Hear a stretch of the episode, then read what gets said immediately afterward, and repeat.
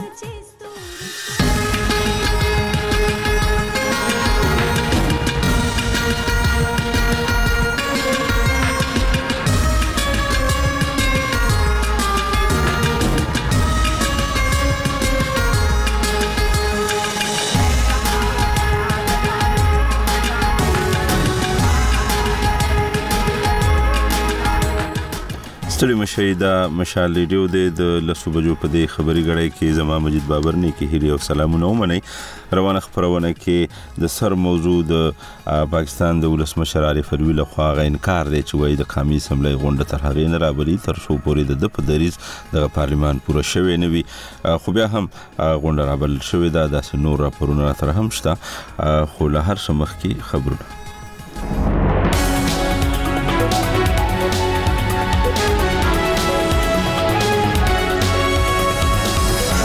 لومبه د مشال د خبرونو سره ټکی د پاکستان ولسمشر ډاکټر عارف علوی د قامي اسمبلی د غونډې راغښتونه انکار کړي خو سپیکر راجا پرویز اشرف دا غونډه د فروری په 29 مارا بللې ده د خیبر پښتونخوا د ژغورنې ادارې رسکي یو یو دوه دوه چارواکي وایي چې نن په مردان او پیښور کې د وسلوالو په ډزو کې دوه پولیس سرتیري وژل شوي او څلور ژوبل دي د ایران تقریبا 300 سیاسي ټولنیز او فرهنګي فعالان وایي د دې هیواد د روانو انتخاباتو نتایج له اوسه تنظیم شوي او دوی پکې ګډون نه کوي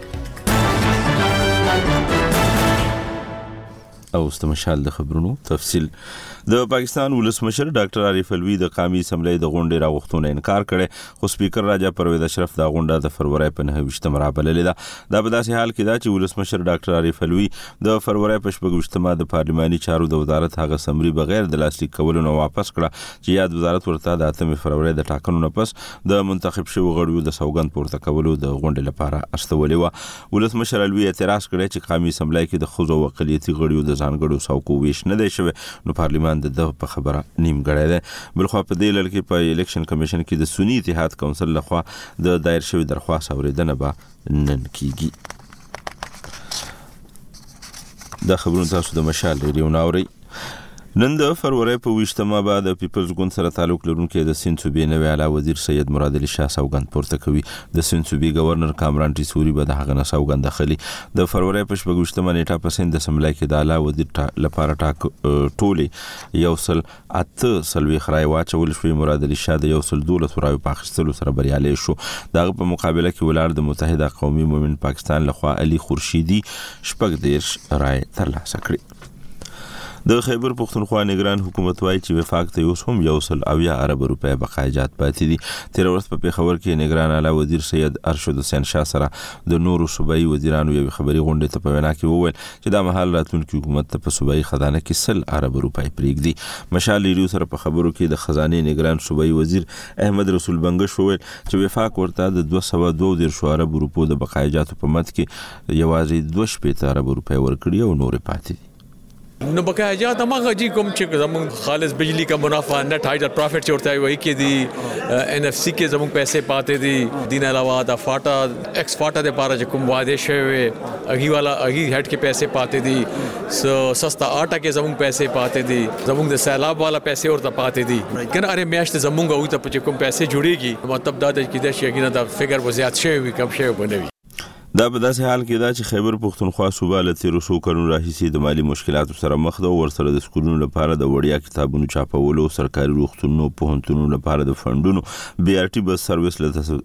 د سبسیډای په مد کې د پیسو ورکولو او سرکاري ملازمینو ته د تنخواګانو ورکولو لپاره پیسې نشته د خیبر پښتونخوا د ژغورنې ادارې ریس کې یو یو دوه دوه چارواکي وایي چې نن په مردان او پیښور کې د وسلوالو په ډزو کې دوه پولیس سرتیري وژل شوي او څلور ژوبل دي مشال ریډیو ته پاستول شوی بیان کې ویل شوی چې په ډومبای پیښه کې نن سهار وختي د مردان د کاټلنګ تحصیل په زړه مټه سیمه کې د مبینه ترهګرو په ډزو کې د پولیسو ایس پی اجاز خان وژل شوی او د یو ډي ایس پي نسیم خان په ګډون درې پولیس سرتیري سخت ژوبل حالت کې روغتون ته وړل شوي دي. بلخوا نن سهار اته بجې په پېښور کې د پندو تاڼې په حدودو کې یو پولیس سرتیری د وسلوالو په ډزو کې وژل شوی او یو بل ژوبل دی. پولیس وایي چې د ابابیل فورس دا سرتیري د معمول په ګشتو تر دا مهال کومې وسله والې ډلې د دې پېښو ذمه واري نه ده منلې. د سیند صوبې د سکر په پنو عقیل تحصیل کې د ځمکې پر سر د دوو ډلو ترمنځ نښته کې شپږ کسان وژل شوي او پنځه نور ټپیان شوي دي. د سکر پولیسو د فروری په شپږویشتمه رسنو ته وویل چې د کچي سیمې په رداګوټ کې د جتویي او مهر قامونو ترمنځ وسله وال نښته کې دا کسان وژل شوي. پولیس وایي دغه وسله وال نښته د ځمکې د شخړې له امله رامنځته شوې خو تر دا مهال پولیسو د دې پیښې مقدمه نه ده درج کړې. په سیند صوبه کې د ځمکې او نورو شخړو په اړه د بېلابېلو قبیلو ترمنځ دا ډول نښتې او پیښې کېږي چې پکې خلکو ته مرګ ژوبله اوړي. د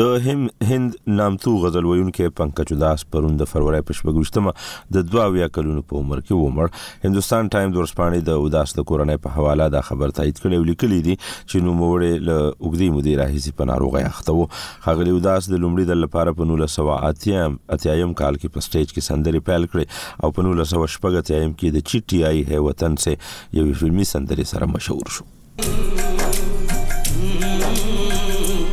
چټي آئی ہے آئی ہے چټي آئی ہے چټي آئی ہے هغه د خپل سولسیزو موسیقۍ فعالیت کې ډېرې معتبرې نړیوالې او ملي جایزې ګټلې دي. ورسته خبر دا چې د ایران تقریبا 300 سیاسي ټولنې د فرهنګي فعالان وایي د هواد د روانو انتخاباتو نتایج له اوسه تنظیم شوي او دوی پکې ګډون نه کوي او په ولسی غږ کړی چې په دې تنظیم شو ټاکنو کې برخه وانه خلی د مرتضی الویری عبد العلی بادرګان او ولی رضا رجایی په ګډون 215 یا تن فعالانو د ایران د پارلمان د 12مې دورې په انتخاباتو کې د ګڼ شمیر کاندیدانو ردیدلو ته د اشاره په ترڅ کې د یو اعلامیې په خبرولو سره د انتخاباتي بنسټ وضعیت خواشینونکی بللی او پر چارواکو یې تنقید کړی د مشال د خبرونو پای اوریدونکو تاسو مشال ریډیو ته غوږی او خبري غړای ده د خبري غړای د سر راپور ته تاسو پام راګرځوم د پاکستان د قامي اسمبلی سپیکر راجا پرویز اشرف د اسمبلی غونډه په 29 فروری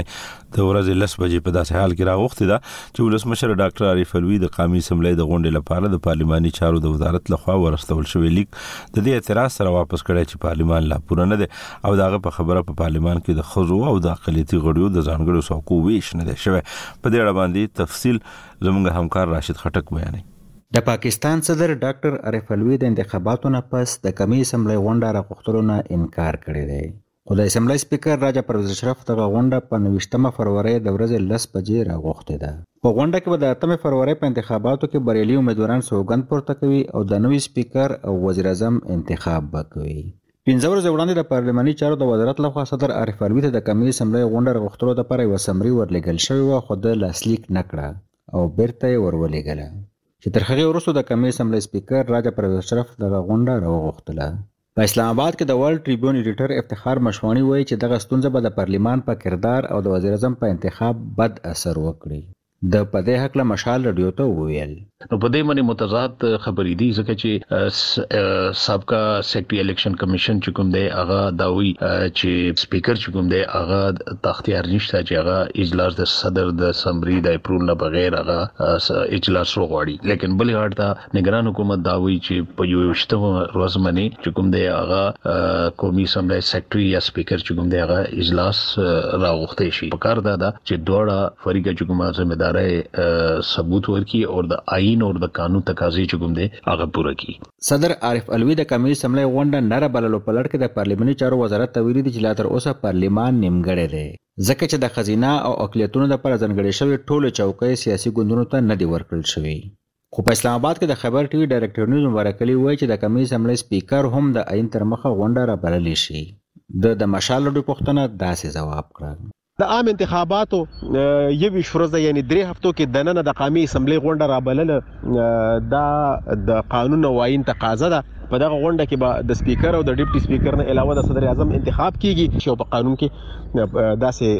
لاره شته. چې که صدر انکار وکړي یا صدر څه عذر وکړي یا څه بل څه وجي نو بیا لکه هغه هم را بلل شي تیر سپیکر معاملات مخ په وړاندې بوزي او مخکې بیا د ولسمشه ټاکنه هم ده بیا د غینه پس د سېنات انتخابات هم په کمې سملې کې د خزینه او اقلیتونو ځانګړو چوکیو شمیر او ویا دی خو د تحریک انصاف غړو ته په دې کې برخه نه ده ورکړل شوې ځکه چې دوی په آزاد حیثیت په انتخاباتو کې برخه اخیستې وه او بیا یې په سني اتحاد کونسل کې د شاملېدو اعلان کړی و. په کوټه کې قانونپوه او تجزیه نګار همایون کسي ډوکیټ وايي چې د صدر او سپیکر تر مینځ د قمي اسمبلۍ اجلاس په هکله شخړه به په ملک کې سیاسي وضع نوره هم کړکېچنه کړي.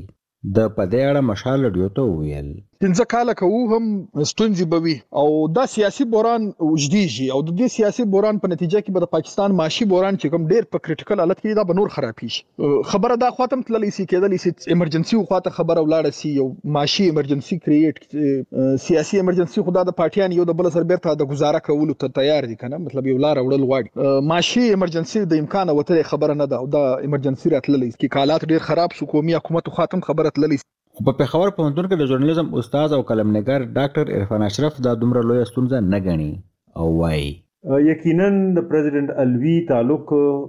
د عمران خان تحریک انصاف سره ده نو هغه به هغه څه کوشش کوي څه کوم کې د خپل پارټۍ طرفداري وکړي په کار خو نه ده پرزیډنټ خو یو نیوټرل تن وي خو بیا هم د هغه همدردیانې په خپل ځای. نو دا کشاله څه کوم اوس ویچته شوي دا وقتي ده او زه ګڼم څه دا مخکې ځکه نه ځي څه د ده مخلوط حکومت په شا د پاکستان ملټري ولاړه ده. سني اتحاد کونسل د ځانګړو چوکیو ترلاسه کولو دپاره الیکشن کمیشن اف پاکستان ته درخواست هم ورکړی دی. الیکشن کمیشن پرېکړه کړې ده چې نن به په عام محضر کې د دې درخواست اورېدنه کوي. سپیکر د ایین د یو نوي مادې لاندې د کمې اسمبلۍ اجلاس راغوښتی دی. دا ماده په ایین کې له هغې وروسته اضافه شوه چې په کال دوه زره دوه کې د پاکستان د هغه وخت پوځي ډیکټیټر جنرال پرویز مشرف د پارلیمان غونډه وځنډوله. بلخوا د قامي اسمبلۍ سکرټرېټ په نويشتمه فرورۍ د ملک د شپاړسمې اسمبلۍ لومړۍ غونډې ته خبريالان هم دعوت کړي دي. راشد خټک، مشال رډيو، اسلام اباد. دا مشال راډیو ده. تاسو مشال ریډیو ته غوږ یی. تېره ورځ د خیبر پښتونخوا نګران وزیر اعلی سید ارشد حسین شاه او نورو صوبایي وزیرانو په وزیر اعلی هاوس پېښور کې په خبري کانفرنس کې وویل چې د صوبې واک په داسې مهال کې منتخب حکومت ته سپاري چې په صوبایي خزانه کې سل ارب روپۍ موجودې دي چې د سرکاري ملازمینو د تنخواګانو او نورو سرکاري معاملاتو لپاره کافي دي د خزانې د محکمې د دستاویزاتو تر مخه په روان مالي کال کې د صوبې مرکز ته 222 ارب روپۍ بقایه دي تفصیل غلام غوث نهرو د خېبر پښتونخوا نګران اعلی وزیر ارشد حسین شاه د نورو صوبایي وزیرانو سره په شریک خبري کانفرنس کې وویل چې په معاشي مشکلاتو سربېره یې د وفاقي حکومت په مرسته د صوبې انتظام وچلولو او اوس چې منتخب حکومت ته د صوبې واک سپاري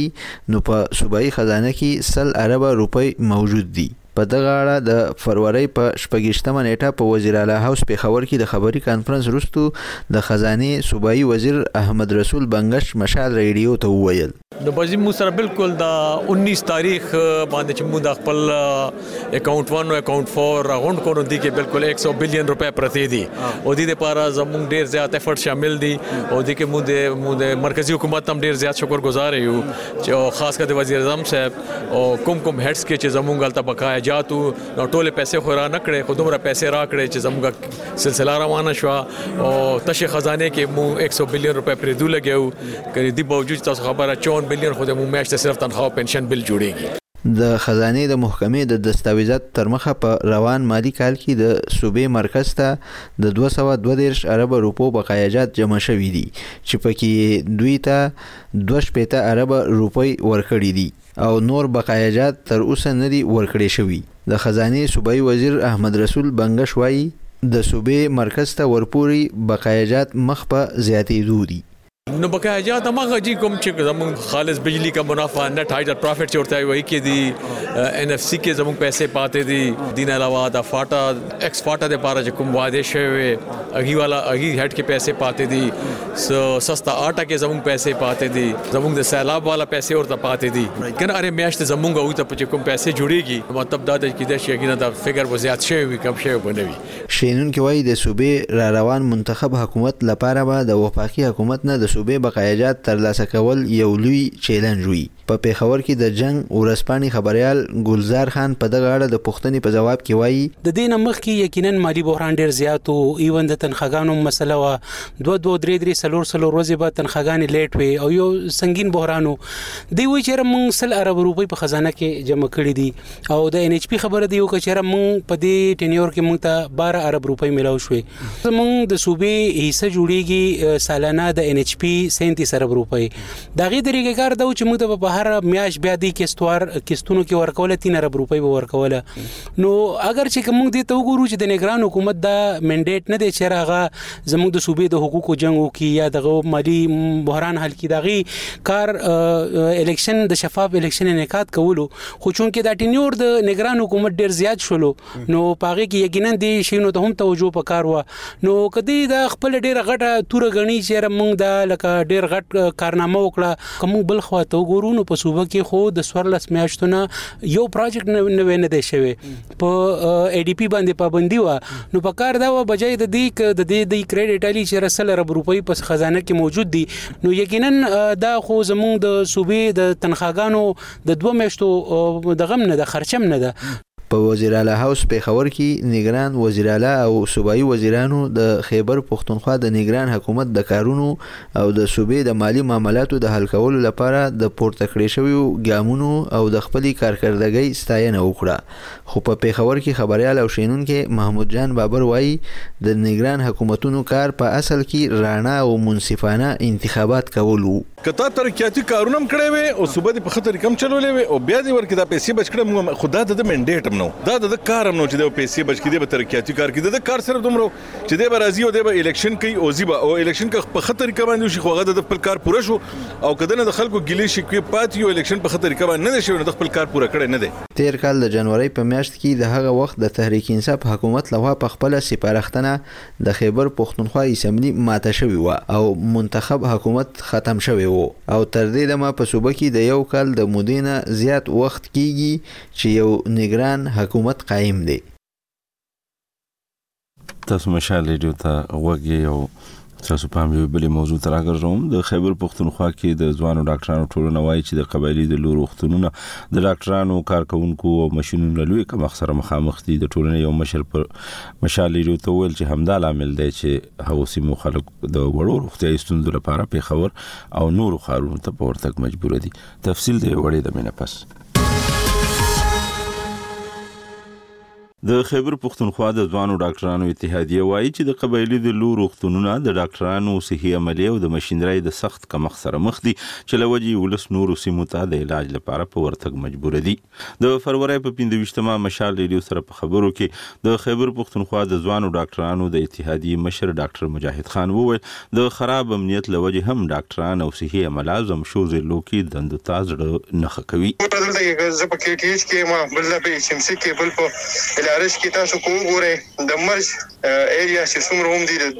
میجارټي اف پیشنټس چې کوم دي هغه په دې هسپتالونو کې د دوی پراته دي نو که اف ان کیس ته هغوی هلته کې حالات ټیک وي هلته کې ورته حالانکه زموږ سره ډیر زیات پول دی په اف سي پي ایس یې خلکو پاس کړي دي سپیشلایزیشن یې خلکو کړي دي خو د جابز د کمي د وجې نه چې کې مرج ایریا کې دې اف سي پي ایس کوالیفاید خلکو له چې کوم دی هلته کې خو په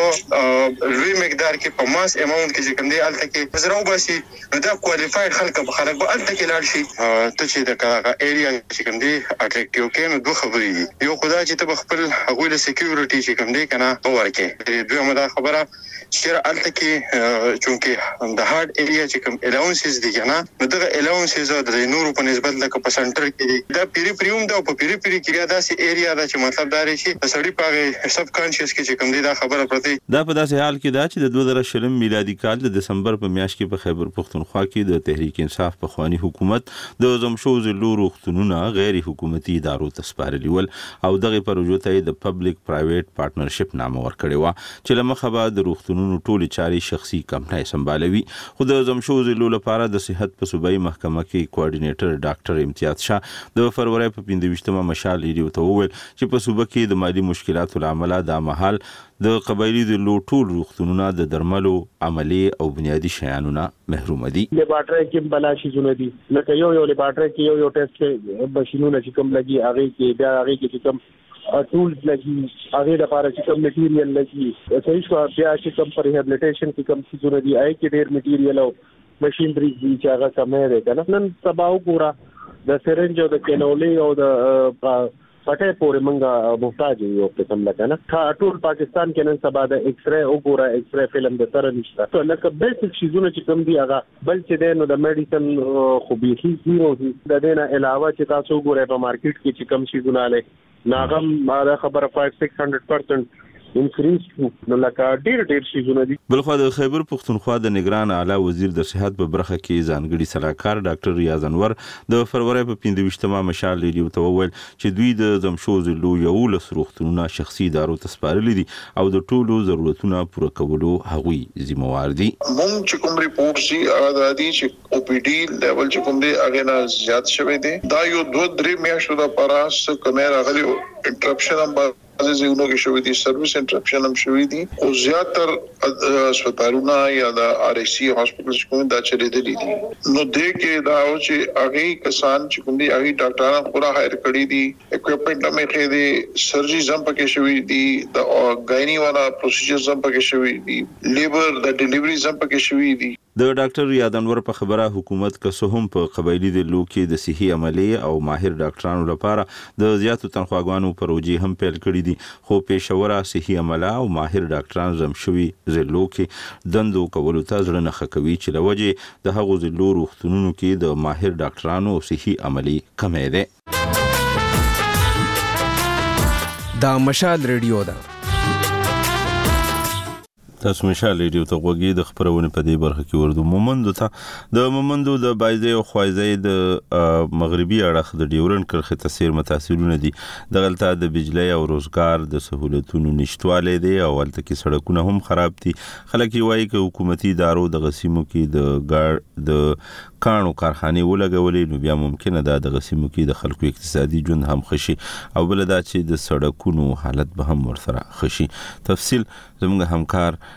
شانواز ترکزی را لېږي د بر محمندو د خویزو او د بایزو خلک وای دغلته د سرکونو د بجلی حالت ډیر خراب دی د خویزو او د بایزو د تحصیلونو خلکو زیاته کړه دغلته د سنگ مرمرو کانی وړونکو ته هم مشکلات وي خو دوی بیا دا هم وای سیمه کې که د کاڼو کارخانې ولګېدې نو د دوی اقتصادي ژوند به ورسره ډېر ښه شي.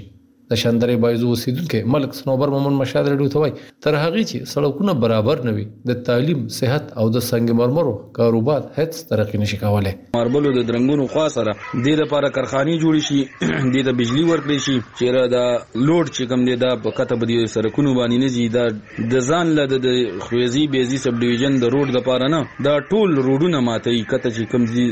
بغلنۍ کې یا په بل ځای کې الته د غرونو خوا کې کارخانه جوړې کوي او دا روډونه چې کم دي دار لساس کوي چې ځکه چې ډیر غټو مشکلاتو سره موږ مخامخ په کال 2010 کې د شورو شوی عسکري اپریشن سره سم د دغه سیمو اکثریتي خلک کډوال شوي. د بایزو د تحصیل لږ شمېر کډوال خو کلو ته ستانه شوي وو، ولې زیاتره پکې پېښور، چارسده او نورو سیمو کې ژوند کوي. دغه تحصیل کې لا هم د هلکانو تر د لسم او د جینکو تر د اتم ټولګیو پورې سکولونه نشته، ولې زیاتو کلو ته پکې د بجلي سهولت لا هم نه دی ورکړی شوی. بایزي د ډیورین کرښې ته څېرمه په مغربي اړخ آباده سیمه ده چې زیاتره کاروبارونه یې د ګوسړی او د نواباد کنډو په لارو کېدل. خو دغه لارې هم بندې شوي. د بایزو سره تړلې شوې خویزۍ سیمه کې هم ډېر مشکلات دي. نو د کونګ کلي اوسېدونکی تفسیر مومند مشال راډیو ته وايي، د دوی سیمه کې د بجلۍ ګرېډ هم جوړ شوی او ویل شوي و، دغې باندې به کارخانې هم چلېږي، خو لا هم نه دي شورو شوي. ده زیاته کړه. کارخانې خو دا زه وایم نو زموږ د قام لپاره مثبت قدم دی. او دې سره به چې کم ځای خل دی لوکل خل دی هغه به پروزګار باندې شي بل زمنګ ماربل چې کم دی نو هغه هم دلته نږدې دلته په کارخانو کې هغه استعمال باندې راځي خو سوال دلته یو دا دی چې کمی دا فیډری دوی ور کوي نو دا فیډری عوامي فیډری دي موږ د حکومت نه د بار بار دا غوښتنه کړې ده چې د دې لپاره خپل فیډری منزور کړي په دې ګریډ کې د کارخانو د لپاره چې خپل فیډری شاوخوا دوه کال وړاندې په بهایي ډاک خوایزو کې د بجلی ګریډ جوړ شوی دغه ریټ کې کمرشل معنی د کارخانو د پاره هم فیډر یا د بجلی ماشینان لګیدلی خو بجلی ورته لا هم نه د ورکړې شوی د دغه ګریډ پرانسته د هغه وخت قامي سیملې غړي ساجد مومن کړي و ساجد مومن وسوم د مومندونه قامي سیملې ته منتخب شوی غړي دی مشال ریډیو ته وویل دا د زمونږ چې کوم ډومېسټک د بجلی استعمال د داغې د پارم دی خو د کارخانو د پارم د دینه انډیپندنت پیډر یو وته دی واغې د پاره چې څومره کارخانهدار رونه دي هغه وته پیسې جمع کړي وي نو د سره بدلته انډستری روانيږي او زمونږ چې کومه ډومېسټک بجلی ده هغه به ان شاء الله د سره خکېږي ساجد مومند هم ول دوی به اوس د تیرې حکومتي مودې په وخت شروع شوي د سرکونو منصوبې هم څاري او د صوبایي حکومت په مرسته به یې سرته هم رسوي شانواز ترکزی مشال ریډیو پیښور تاسو مشال ریډیو ته غوږی اودونکو د پاکستان په زیاتره برخو کې پرون نه د ګوزن ناروغي واکسینی کمپاین پیل شوې ده د راز د افغانستان په یو وشت ولایتونو کې هم د پنځو کالونو کم عمر ماشومان ته د واکسین ورکول کیږي په دې اړه شبیر جان تفصیل لري خیبر پښتونخوا کې د پولیو مخنیوي ادارې لخوا جوړ ایمرجنسي اپریشن سنټر یا ای او سي ډایرکټر محمد ذیشان خان مشال لیډو ته وویل چې د پولیو ضد دا پنځه ورځنی کمپاین به په دوه مرحلو کې کول شي. ړومبی مرحله نن یعنی د شپږ ویشتم فرورۍ نه پیل شوه چې په لکي مروت او ډیر اسماعیل خان کې به وي ولی د دریم مارچ نه به ټوله صوبه کې دا کمپاین وي او د دوی هدف حوشه څلور او یا لکه هغه ماشومان دي چې عمرونه یې تر پنځو کلونو وي. په دې اړه د امنیت ټینګ ګامونه هم پورته کړل شوي دي. ټارګټ چې کوم دی نو د دې دوو ډسټرکو لپاره تقریبا پنځ لاک دی او د دې نورو پوره سره د دې دوو ډسټرکو چې کوم دی نو هغه تقریبا څه 73 74 لاک دی 7.4 میلیون دی په دې کې به چې کوم دی موږ سره تقریبا 55000 ټیمونه حصہ اخلي او 35000 پلس سکیورټي پرسنل چې کوم دی نو دا به دې کې باندې ان شاء الله د دې د حفاظت لپاره ډیوټي سرانجامي یادونه را چې تیر وختونو کې هم د پولیو څاڅکي ورکونکو زنانه نارینه هلکارانو او دوی سره ساتونکي پولیس هلکارانو باندې د وسلوالو بریدونه شوي چې پکې د سرکاري شمیرو تر مخه تر دې دمه خوشا نوي کسان وژل شوي دي چې پکې زیاتره پولیس والا او د پولیو ضد څاڅکي ورکونکي د صحت محکمې اهلکاران شامل دي. دا چې تیرو وختونو کې د صوبې د بیلابیل برخو نه اخیستل شوي نمونو کې د پولیو وارث شتون ظاهر شوی وو نو آیا اوس هم دغه پولیو وایرس موجود دی او که نه څه کمی یا کمزوري پکې راغلې نو نوموړی زیاتوي. جی په هغې کې خو کمی لږ راغلی دی خو مکمل وایرس ختم شوی نه دی مخکې چې کوم دی نو په نوښار کې او په دې نه علاوه چې کوم دی نو په پټان کې په ډیګی خان کې او د دې نه علاوه په پیښور کې په کوهاټ کې په هنګو کې دا ټول مثبت راغلي وو. خو هغه الحمدلله اوس خو دوباره پوزټیو نه دی راغلی نو دا وایرس چې کوم دی کنه نو موجود خو دی او په خبر کې خو دا سه ډیر زیات لکه مطلب ځان نه دی استابلیش کړي نو ان شاء الله زموږ دا کمپاین چې خو شینو د سره په نورم بیا پکې کمی راشي د پولیس اس کې ورکونکو د صحت محکمې زنانه او نارینه اهلکاران به کور په کور او کوسه په کوسه ګرځي او روغتونونو د صحت بنیادی مرکزونو او د بسونو اډو پکې به هم ولاړ وي او ماشومان ته به دغه د پولیو ضد څاڅکي ورکوي د پولیو مخنیوي ادارې شمیرو تر مخه روان کال 2023 کې د پولیو یو کیس هم پاکستان کې نه رپورټ شوی ولې تیر کال 2023 کې ټول پاکستان نه شپږ کیسونه رپورټ شو چې پکې څلور د خیبر پښتونخوا او دوه د سند صوبې نه وو شبیر احمد جان مشال لیډیو پیښور اوریدونکو کوم په دې موضوع کې پاتې کیږو زموږ همکار نوریاس نوري د دغه مرز د یو پوه سره خبرې کړې دي را دي چې دا و د پولیو واکسین د کمپاینونو په تطبیق کې د کورنیو رول ډیر زیات مهم دی ځکه چې کورنۍ د واکسین لاهمیت نه خبرې وي، د واکسین په اهمیت پوهیږي او د ماشومانو صحت ورته اولیت لري نو دوی خپل ماشومان ټول واکسینوي چې د کمپاین په بریالیتوب کې مهم رول لري او کله چې کورنۍ خپل ماشومان واکسین کړي نو د وایرس خپرېدو ته زمينه نه مساعدېږي نو په دې اساس باندې د کورنیو همکاري تر هر څه ډېره اړینه ده. سعید صاحب په ننګرهار کې د پولیو مثبتو پیښو چې تقریبا ټولې د یوې میاشتې په موده کې ثبت شوې وې د دې ډېره ویره رامنځته شوې وه چې ښایي د پولیو وایروس په چټکۍ نور سیمو ته هم خپور شي خو څو میاشتې پر دغو مثبتو پیښو وتلي او بل مثبته پیښه د پولیو نه ده ثبت شوې علت تاسو په څه کې وینئ پولیو پیښې چې په 2023 کال کې رامنځته شوې وي تقریبا پسرلی او دوبو دوبي په میاشتو کې وي څو میاشتې ووته چې نور پیښې نه دي رامنځته شوي اومده علت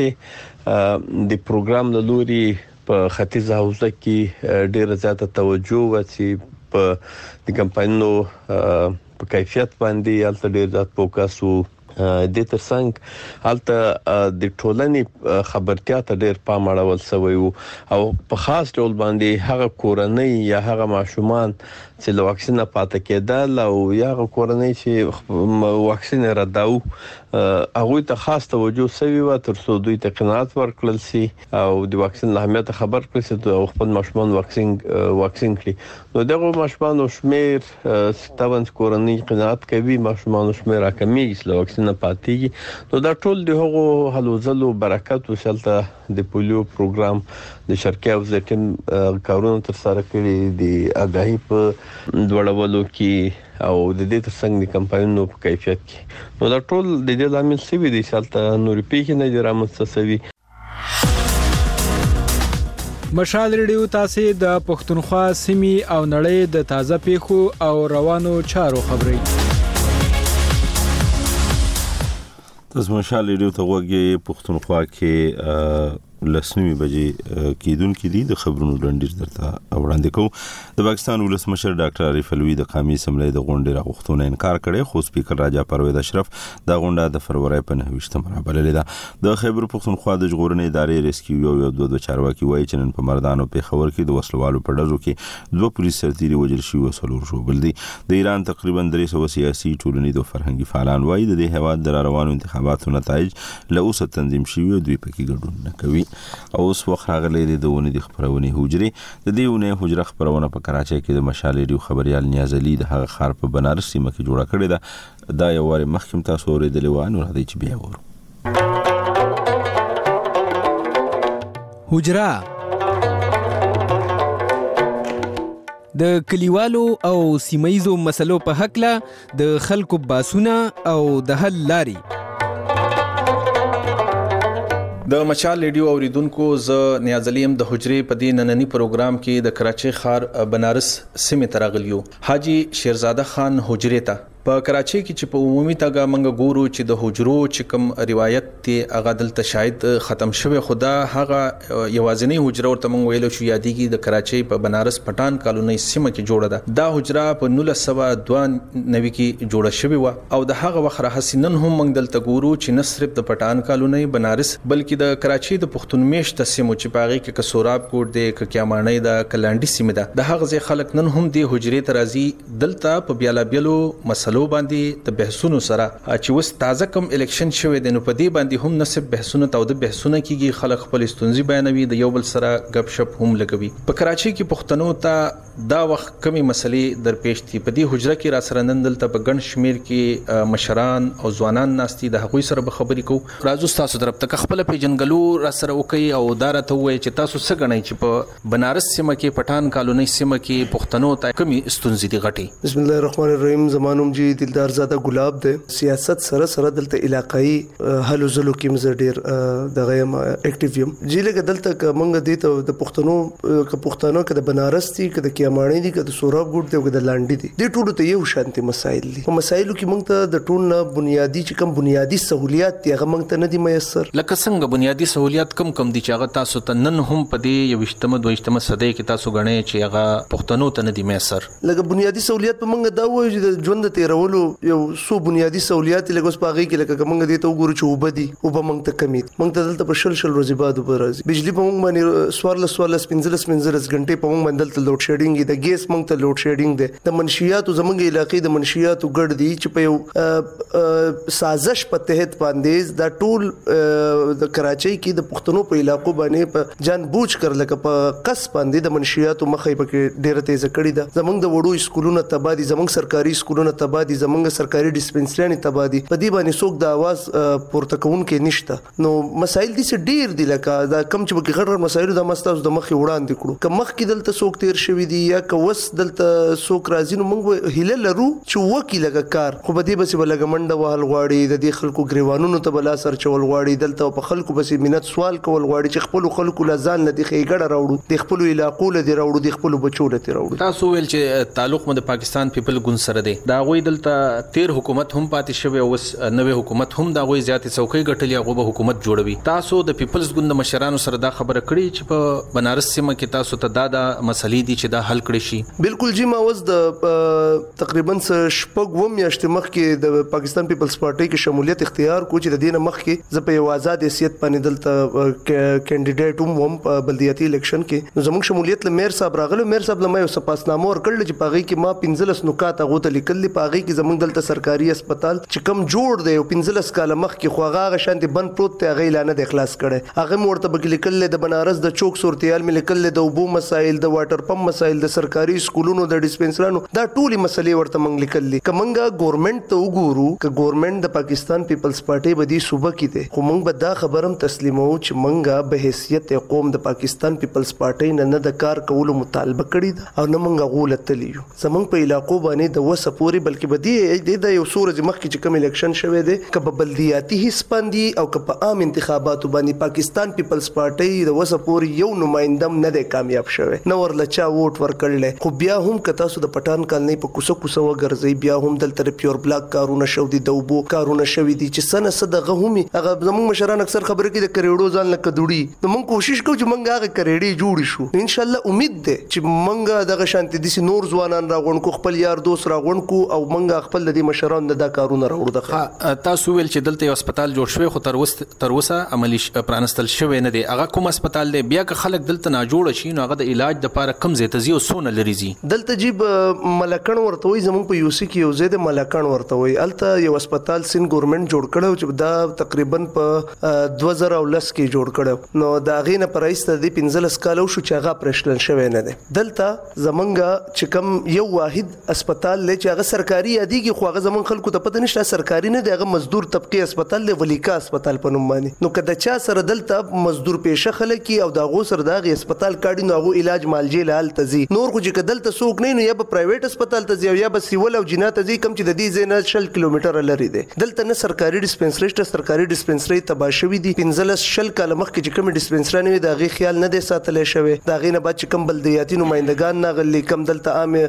کانديديت کوم کامياب شو هغه ور لاغ شانتي خیال نه ساتلی هغه وز د منشيات پروشو په قبضه کې دي د مافيا په قبضه کې دي سز سوزکي سټنډونه جوړ شول مونږ ته دلته د جنکو کالج نشته مونږ ته دلته د الکانو کالج نشته زمونږ اسکاري سرکاري سکولونه تبا دي نو مونږ کوشش کو دی له خره وړو مونږ مېر صاحب سره مبه دي اخلا باندې دوه درې ملاقات هم کړل ان شاء الله وز د الیکشن ختم شو نو وس پاغي باندې عملی کار ان شاء الله شروع کوو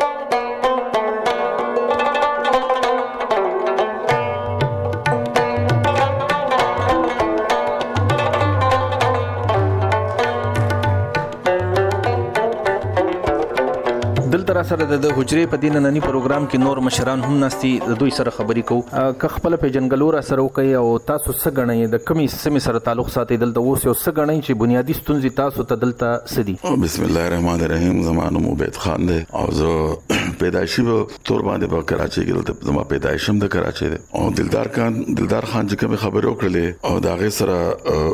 زه په لګ روشنی واچوم او لګ وضاحت به مو کوم او چې زما تعلق د پاکستان پیپلز پارټي سره دی او زه د د دې صوبايي حلقې د پي اس صدر یم. بنیادي چې کوم مسایل دي دا بالکل موجود دي خو زموږ د قوم بدقسمتي دا ده چې موږ اول خو دا دی چې موږ هغه تقسیم شوي یو په داسې سیاسي پارټیانو باندې یا په داسې ډلو باندې چې هغه ډلې یا انقلابي طور باندې انقلاب خبرې کوي هغه د مفاهمت خبرې نه کوي نو چې تر اوسه پورې په دې علاقه باندې چې دا د پښتنو علاقه ده په دې باندې پاکستان پیپلز پارټۍ په تاریخ کې یو پیر قومي اسمبلۍ سیټ ګټلو دا غینه بعد کوم مونږ دلته بلدیاتو کې الیکشن کې مونږ الیکشن کوو زیاتر پښتانه د ان اپوزیټ چلیږي اوس په دې تیر الیکشن کې د متحده قومي موومنټ یو کاندید چې د سوراب ګوټ سیمه نه ولاړو د قومي اسمبلۍ اقبال مسعود هغه هم کامیاب شوی دی یعنی د متحده قومي موومنټ نه یا د پیپلز ګوند نه پښتانه کاندیدان کامیابیږي خو کچ کم پښتون ملتپال ګوندونه دي د هغوی کاندیدان نه کامیابیږي. د هغې وجه هم دا ده چې خلک خو دلته ګورې د خپل مسایل د حل کیدو لپاره کوشش کوي نو خلکو دا سوچ وکړو چې یاره په کراچۍ کې هم دغه خلک زیات دي ایم کیو ایم والا زیات دي نو دغه چې یوه پارټي وه عوامي نیشنل پارټي هغو په سند کې د ایم کیو ایم سره اتحاد وکړو چې د هغې ډیر بد ریزلټ راووتو لهذا په هغه وجه باندې چې په دې په ټول په سند کې د عوامي نېشنل پارټي سره کاندیدټ هم کامیاب نشو او خلکو دا غي په غوسه کې نورو پارټو له ووټ ورکو او پښتانه هم دغه شان محروم شو د سوراب ګډ باره کې خبره کړو اقبال مسعود هغه یو شخصیت ته او هغه ځکه چې کوم خلک پاتې کیږي ګلچنه یا کاخیل سوراب ګډ دغه زینه ټول دغه د مسعود برادری دي مسعود خلک هلته اوسېږي نو دا هغه چې کوم یو ځوانو نو هغه هغه له ایم کیو خپل ټیکټ ورکاو د ایم کیو چې کوم نوې قیادت راغله ایم کیو پاکستان چې ورته وای نو هغه د دې ټولو پارټو سره یو ښه ریلیشنشپ قائم کړی دی او دا تاثیر ورکو د خلکو تراغلل د پښتنو ته د ټولو ته چې به زمونږ غمر مار داړ او وژل زخمي کول هغه مونږ پرېښودل او اوس به راځو مونږ به یو ځای به کار کوو. دلته په دې حجره کې راسره یو بل مشر موجود دی، د دوی سره خبرې کوو. خپله پېژندګلو راته وکړئ او تاسو څه ګڼئ چې په دې بنارس سیمه کې پښتنو ته کومې ستونزې ورمخ دي؟ زما نوم ګلاب خان دی، د پټان کالونۍ اوسېدونکي یو، دلته پیدا شوي یو، والد صاحب مو هم دلته کې و، په خان اباد و. سابقه ناظمي والي صاحب کونسلر نو زمونږ یو ول خصوص تاسو شکریا ادا کوم چې تاسو مودونه وخت وستو راغله او زمونږ دا ماته ګډي خبري اوري نو دلته معاملات چې دي زمونږ د پښتنو تاسو څنګه چې وي ډیر زیات خراب دي مسایل ډیر زیات دي او دا غي مین خبره وجه دا چې زمونږ بدبختی له اتفاقی ده مونږ په دې پارټو کې تقسیم یو مین خبره زمونږ د وبو زیات ده د روډونو زیات ده کچرو د حالت د شینه ده څنګه چې پکارو چې صفائی کېدې هر څه کېدې نو دلته ډېر مشکلات دي اوس بجلی چې کوم شرم راغسته دی لوډ شیډینګ زیات کړی دی بغیر تپوسه څوک تپوس نشته د ګیس شارټیج دی ګیس پریشر نشته خلک پریشان دي د وبو مسایل دي وبو په اتلسم ورځ راځي کله په شلم ورځ راشي په شپږم ورځ راشي هغه کې مسایل پریشانی په ډیرو علاقو کې نشته اپ ټینکر راولي تاسو ذکر وکړو چې تاسو په کم وخت کې د دې علاقې مشروالی تاسو ته حواله شوی یعنی ناظم پاتې شوی یې کونسلر پاتې شوی یې او دا تاسو چې کوم ستونزې بیان کړې د دې د حل لپاره تاسو په هغه وخت کې څه کړیو نو اول په سر خدا خبره ده چې زمونږ والي صاحب ایوب خان په دور کې بي ډي ممبر وو بیسیک ډیموکراسي په نوم باندې د هغې نه بعد بیا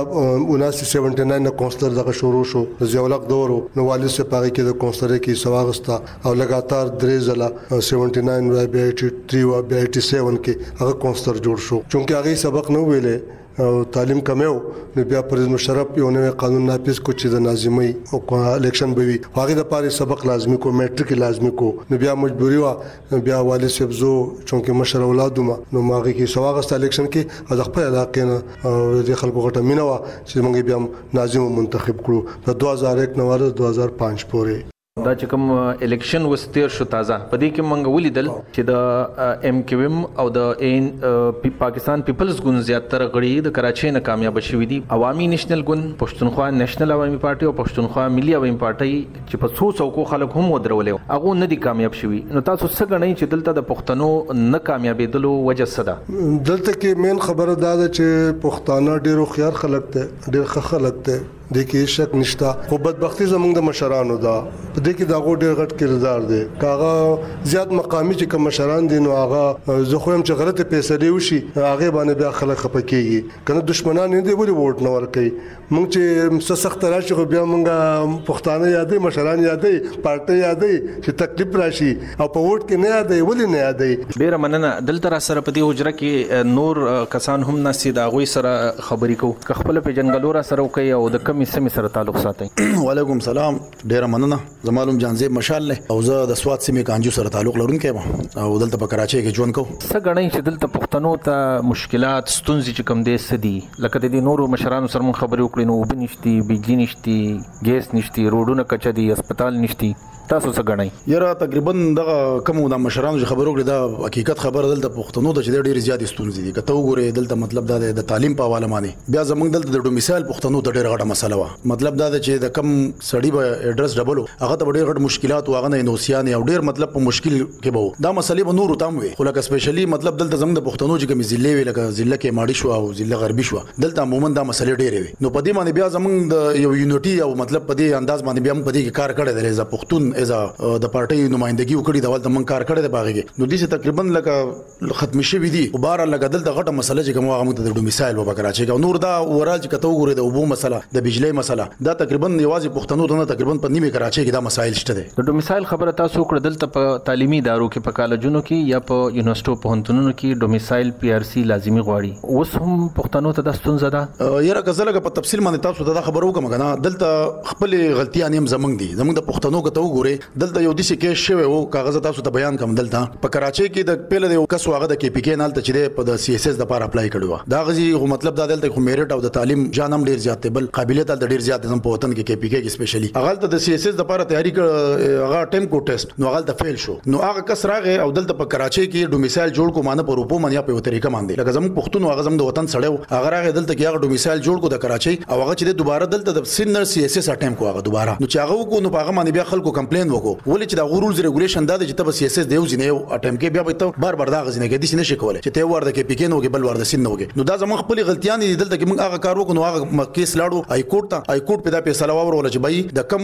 سړی چې اډرس ډبلی نو هغه به مطلب د مثال تاسو نو ورکوي د کراچۍ د سیند کم ډیسټریکټ چامي نو پاغي کې بیا موږ پښتانه ډیر په لپیټ کې رالو او موږ ته دا مسایل ډیر زیات شو خو بهر الوس پاغي باندې ډیر کار شوی دلته کې زموږ مطلب د پښتنو چې کوم مشرانو هغه مطلب هلته کې لاړو د پښتنو از پښتنو نمائندګي هلته کړې ده په دې مسایلو باندې خبرې کړې دي هلته کې ها اوس نوې انتخابات هم شوې دي نوې خلک هم وټاکل شو حکومت پم جوړيږي څه غنئ چې پښتنو ته په کراچۍ کې پښتونمیشته سیمو کې کمی ستونزې دي دا به حل کړی شي نو ان شاء الله امید خو لرو چې ان شاء الله حل بشي د خیره امید په دې لرو مطلب دا چې اوس دا کم بلدیات نظام چې راغله په دې کې کوم ورالو ګورونو دلته کې د پښتنو نمائندګي به ډیره زیاته ده کاغه منګ دلته په ضلع غربۍ کې وګورو که په ضلع کې ماړۍ کې وګورو که په ضلع کو لانډي کې وګورو او که په ضلع سنټرل کې وګورو مانه په سنټرل کې کم ده خو بهر په دې نورو ضلعو کې چې د پښتني نمائندګي ډیر زیات د پښتانه چیرمنان راغلي وای چیرمنان راغلي ان شاء الله زمونږ امید دا ده چې دا به وشي ډیره مننه اوریدونکو د مشال ریډیو په دې حجرې په دې نننی پروګرام کې دلته لګا دماخلو یو سندره اورو او د سندرې وروسته بیا بیرته راځو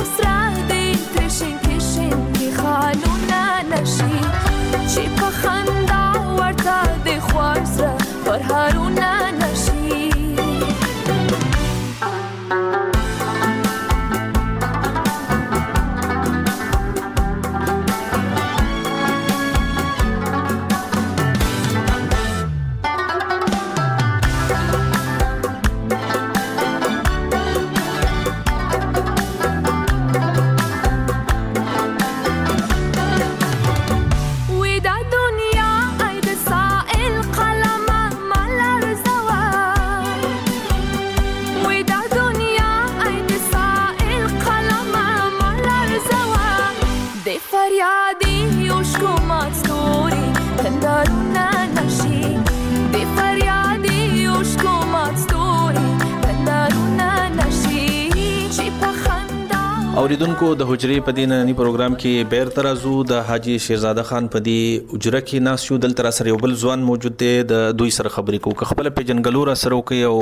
تاسو څه غنئ چې په دې پښتنو سیمو کې چې کوم مسایل دي دا به څنګه حل کیږي سلامونه اني ازلی صاحب ډیره مننه ټول نو مخکې تاسو شکریا ادا کوم چې تاسو د پښتنو د پاره د شغک پورته کوی او د شي پښتنې اجرې په دې نسبت برقرار او روښانه ساتئ زما نوم انعام الحق ته د سواد سیمې چوپریال سره تعلق لرم او کراچۍ کې پیدا شوی یم او دلته کې ژوند کوو په حیثیت د یو طالب علم سټوډنټ او ورسره یو روزګار ځان لټکه پکه کوو سبق وای نو ستاسو په دې سیمو کې ستونزې کمی دي پښتنو ته خاص طور. ستونزې خو چې په شمېر راولو جو ډېرې زیاتې دي مونږ خو سټوډنټان یو دومره لکه هغه پوهه نه رسي لکه څنګه زمونږ مشران تاسو ته پیچیده خبرې وکړي کومې چې ډېرې زیاتې ضروري دي خو زه دومره د بحیثیت د طالب علم دومره پوهېږم چې مونږ له غور فکر په تعلیم پکار دی لکه نن سبا یو والد دی پلار دی هغه د بچي د سبق فکر پکار دی نو هغه چې مطلب خې یونیورسيټي پکار ده خې کالج پکار دی یا چرته علاج د خاص پتال نه پکار دی مونږ د دې هر سیس د دې سوچونو نه محروم یو مونږ د دین نه وزګار چې زمونږ د کډر ډکن نشته زمونږ پنل کې وبنشته زما بجلی نشته مونږ د دین نه وزګار نه دین هټ کر مونږ لکه زمونږ دغه څه کېدای شي لکه ډېره زیاته لکه ستونزې چې په شمېر راولي ډېرې ډېرې زیاتې دي لکه ژوند ډېر زیات ګران شوی دی لکه صاحب شاه صابر صاحب وایي که نه چې ژوند څه دی یو بلا ده یو عذاب دی یو هیبت دی دوکه د بېماني د سراسر منافقت دی نو زمونږ لپاره ژوند یقینا د صاحب شاه صابر صاحب د دغه شعر په تحت باندې دا مونږ ته عذاب جوړ دی په کراچۍ کې چې پښتانه کم سټوډنټان دي تاسو څه ګڼئ چې هغوی ته څه مسلې دي داخلې نه ملاویږي یا په سیمه کې ښه سکولونه نشتي یونیورسټیانې دي نو هغه لرې دي جی جی بالکل څنګه سه زمونږ نه مخکې جان زیب مشال رور زمونږ دا خبر وکړه چې ډومیسایل پی ار سی مونږ ته مسله ده نو چونکه زما هم ډبل اډریس ته زما د چوپریال د سواد سیمه نه تعلق لرم څنګه تاسو ته وی نو دلته زما هم ډومیسایل پی ار سی نه جوړیږي چې دا نه جوړیږي نو زه خه تعلیم نشم کولای چې خه تعلیم ونه کم زه سرکاري نوکري خو پرېږده لکه نور لکه څنګه تاسو ته مو وویل د ډېر سیزون نه د دغې یوې مسئلې په تحت باندې موږ محروم یو. ډېره مننه د دې حجرې په دې پروګرام کې راسه دلته نور کسان ناست دي د هغوی سره خبرې کوو که خپله پېژندګلو راته وکړئ او دا راته ووایئ چې تاسو څه ګڼئ چې د کراچۍ په پښتون مېشته سیمو کې خلکو ته کومې ستونزې دي پښتنو ته کومې ستونزې دي. سلام علیکم زما نوم نورعظیم خان دی او زه د دې علاقې اوسېدونکی یم او زه یو طالب علم یم ما بي اس ان کړی دی د دې ځینه اوس که ته د پښتنو د مسایل خو دلته کې ډېر زیات دي خو که په دې هکله باندې مسایلو ته ګورې نو موږ به زه پخپله طالب علم یم نو زه په هغې حساب به تاته خپل د یونیورسټۍ او د دې مسایلو خبره کوم که دې ته وګورې نو زموږ په دې هکله په دې پوره سایډ کې زموږ څه یونیورسټي څه دي څه نشتي لکه موږ ته د یونیورسټۍ او دلته کې او دغه دی بل دا یونیورسټی خو پریږده خو لکه د دی ځی دا دی چی مونږ هغه د ایجوکیشن دا سیکټر نه یی مونږ ویستی او بهر کړی وو په دی ډومیسایل به دی اکړه باندی وس دا دی چی لکه د ډومیسایل دا مسله یی مونږ ته دخ کړله چی یاره ډبل ایډرس والا دا مسله ډیره مونږ ته سنګینه کړه چی تاسو لکه چا چی ډبل ایډرس یی او د هغی حالانکه مونږ میټریک هم د دی ځی نه کړی دی د نرسری نه واله د لسمه پوری بیا یولسم دولسم هم مونږ د دی ځی نه سرکاری کالجونو کې مو ویلي وس دی وی چې سر تاسو دا ډبل اډرس نو تاسو له موږ ډومیسایل هم نه نه درکو چې ډومیسایل مال نه جوړي نو بیا و زما له مخې ته په سرکاري یونیورسټو کې مال داخله نه راکې دا غي د وجې نه زمونږ ډیر شي ملګری و د سرکاري یونیورسټو نه پاتې شو دا یو ډیره غټه ستونزه ده زمونږ چې پښتنو ته د خپل لکه دا حق میلاو کړل شي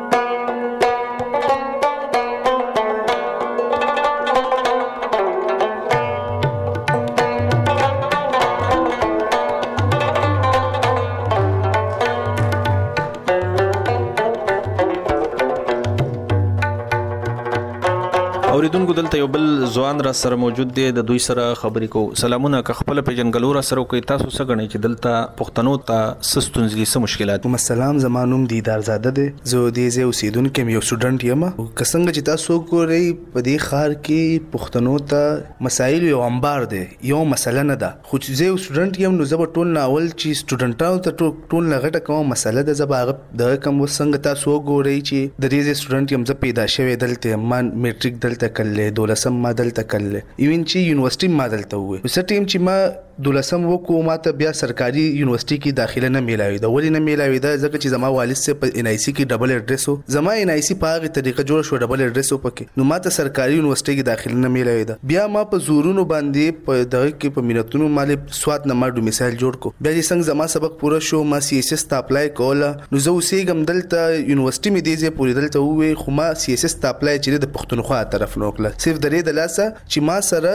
ډومیسایل نه وو که څنګه تاسو وګورئ زما نیکه دلته خښ دی دلته ازادۍ نه مخکی دلته راغلی وو زما والد صیب دلته را پیدا شوی را لوی شوی دلته دی زما روڼه زو زما والد صیب نن نه پنځوس کاله مخکی ډومیسایل جوړ کړی د ریزه له ډیره مننه دلته راسره یو بل مشر موجود دی د دوی سره خبری کوو که خپل نوم راته واخلئ او تاسو څه ګڼئ چی دلته پښتنو ته څه مسلې دی تاسو ته. نیاز بای ډیره مننه چی تاسو خپل دونه قیمتی وخت خراب کو زمونږ دی خړو پښتنو خواله رالی. زما نوم جمال دی زه دلته کې په دې ځای کې د شپېتو کال نه پاتې کېږم ژوند مې دلته تیر شو وړوکوالی ټول بچپن مې دلته خو موږ ته په هر ځای کې مسایل دي په هر ځای کې موږ ته مسایل دي په دې چې یو خو زموږ د علاقه پسمنده ده هیڅ قسم له سهولت موږ ته نشته که د اوبو ده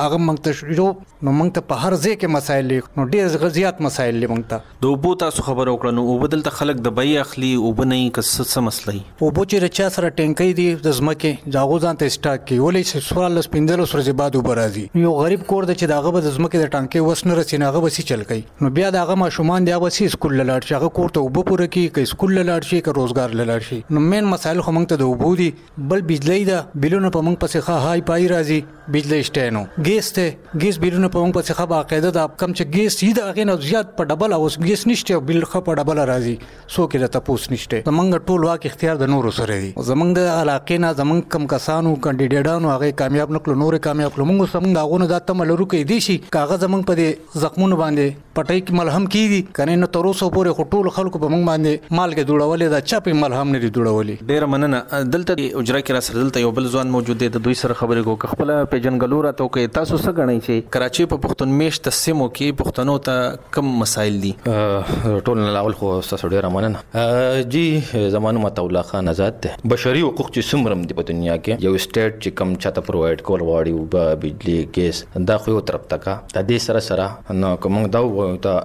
پښتانه په دې ښار کې چې کله نه پاکستان جوړ د نن دلته آباد دې ښار اکانومي موږ چلول دا چې موږ دا وو چې پای کې فیول چې از فیول استعمال تاسو وایي چې پښتانه په دې ښار کې د ټول نه زیات آباد دي او اکانومي هغه چلی پښتانه خپل نمائندګان ولې صحیح نه ټاکي چې دا غوي د دې داستون ځي حل کې چې د 15 او یا کالو نور ته مخامخ دي په دې ښار د هغې وجه بیسیکلی وجه دا سره چې دلته بیسیکلی چې څومره پښتانه زیات تر خاري کوخې دي ملونه کې مزدوریانې کوي څنګه چې زمونږ مشرانو زیات تر هغه دی او بل سیاسي او سماجي تور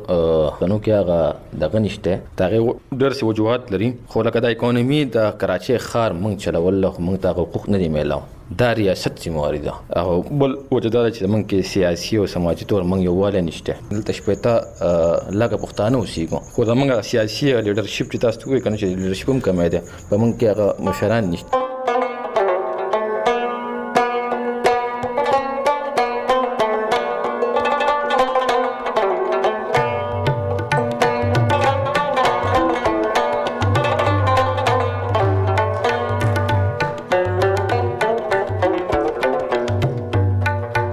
اوریدونکو د مشال ریډیو د حجرې په دې پروګرام کې سرکاري چارواکو خواته ورزو او په پښتون میشته سیمه کې چې خلکو څنګه خپل د مسایل بیان کړي دا د غوي مخې ته اګدو د پروري په 14 مو چې کلا په کراچۍ کې د کراچۍ میر مرتضی وهاب نه دا پښتنه وکړه نو نوموړي وویل. مې قطعي طور پر یې نهي کهتا چې مشکلات نهي هې پرېشانیه هې لیکن ها مې یې ضرور کهتا هو جهاں مشکلات هې پرېشانیه هې هم کام کر رهې. دی وايي زه دا نه وایم چې هېڅ مشکلات نشته مشکلات شته خو موږ ضرور په دې کار کوو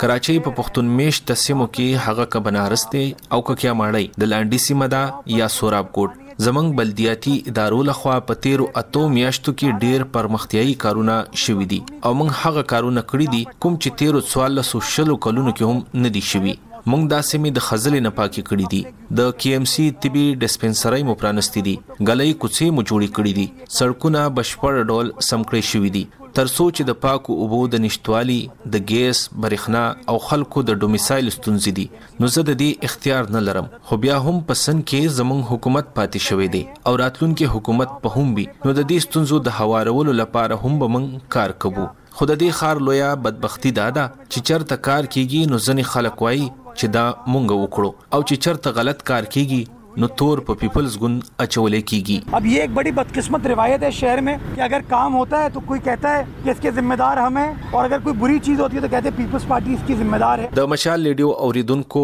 د حجرې دا نننی پروګرام په دې ځای پای ته رسي. موږ له اجازه راکړئ. د خدای په امان. د مشال ریډیو واتس اپ چینل دلته تازه خبرونه، راپورونه، ویډیوګانې، تصویرونه او غږیزې خبرونه ترلاسه کولای شئ. زموږ له واتس اپ چینل سره ملګري شئ او له دوستانو سره شریک کړئ.